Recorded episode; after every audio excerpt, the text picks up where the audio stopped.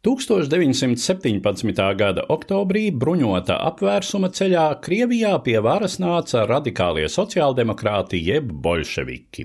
Sākotnēji viņus atbalstīja arī pāris citas kreisākās partijas, taiskaitā sociālistu revolucionāru jeb eseru partijas kreisais spārns. Šī partija pamatā orientējās uz Krievijas zemniecības masām, iestādamās par zemes izdalīšanu zemniekiem. Tas sakrita arī ar bolševiku programmu. Tomēr jau drīz kreisie eseri atskārta, ka bolševiki būvē stingri centralizētu, birokratizētu diktatūru, kas īpaši nerēķinās ar zemnieku vēlmēm un interesēm. Samilza konflikts, kas vainagojās ar kreiso eseru dumpi Maskavā 1918. gada jūlijā, kuru apspieda bolševikiem uzticamie latviešu sarkanie strēlnieki. Tomēr eseru pretestība nebūtu nebija salauzta. 1918. gada 30. augustā Bolševiku partijas un padomju Krievijas līderis Vladimirs Uljānovs Ļeņins uzstājās ar uzrunu strādniekiem vienā no Maskavas rūpnīcām.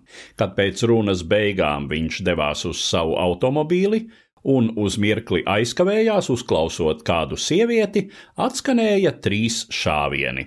Ļeņinam trāpīja divas lodes, viena iestrēga plecā, otra iztriecās cauri kaklam, skāra plaušu un apstājās netālu no atslēgas kaula. Drīz vien tika notverts arī šāvējs.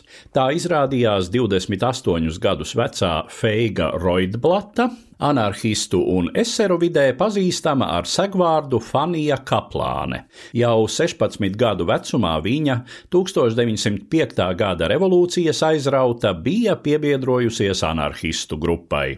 Gatavojot spridzekli, ar kuru bija paredzēts Kievā nogalināt ģenerālgubernatoru Suhomļinovu, notika nejauša eksplozija, kurā Fanija smagi savainojās. Viņu arestēja un piesprieda nāves sodu, ko tikai jaunā vecuma dēļ aizstāja ar mūža katorgu. Sprādziena rezultātā viņa bija daļēji zaudējusi dzirdi un pakāpeniski kļuva akla, cieta no hroniska locītavu reimatisma. Tādu pilnīgi neredzīgu kaplāni atbrīvoja no ieslodzījuma pēc 1917. gada februāra revolūcijas.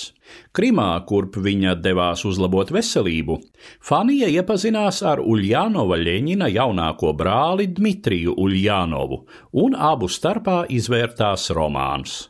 Dmitrijs, būdams ārsts, izgādāja Fanijai vietu Harkovas klīnikā, kur viņa daļēji atguva redzi. Katorgas laikā Fanija Kaplāne bija satuvinājusies ar ieslodzītajām no eseru partijas, un iespējams eseru partijas biedri panāca, ka Fanija pārtrauc sakaru ar politisko pretinieku vadoņa brāli un no Krīmas 1918. gada maijā pārceļas uz Maskavu. Ārkārtas komisija jeb čeka, bolševiku izveidotais drošības dienests, vairākas dienas pratināja apcietināto, pūloties izspiest ziņas par līdzzinātājiem, taču viņa uzstājīgi apgalvoja, ka darbojusies vienatnē.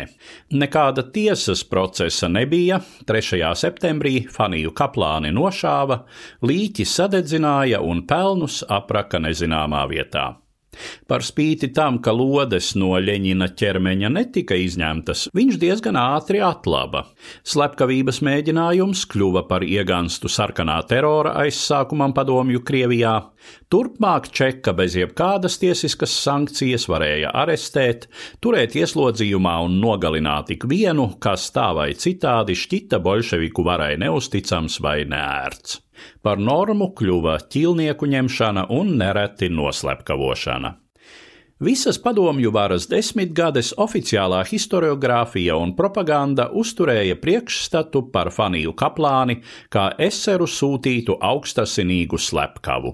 Tomēr ir virkne faktu, kas padara šo versiju apšaubāmu. Pirmkārt, Kaplāne atentāta brīdī joprojām bija stipri vājredzīga.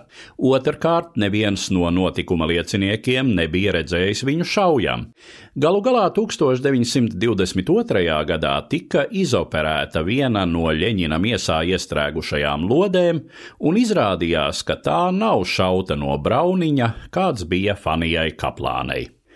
Stāstīja Eduards Liniņš.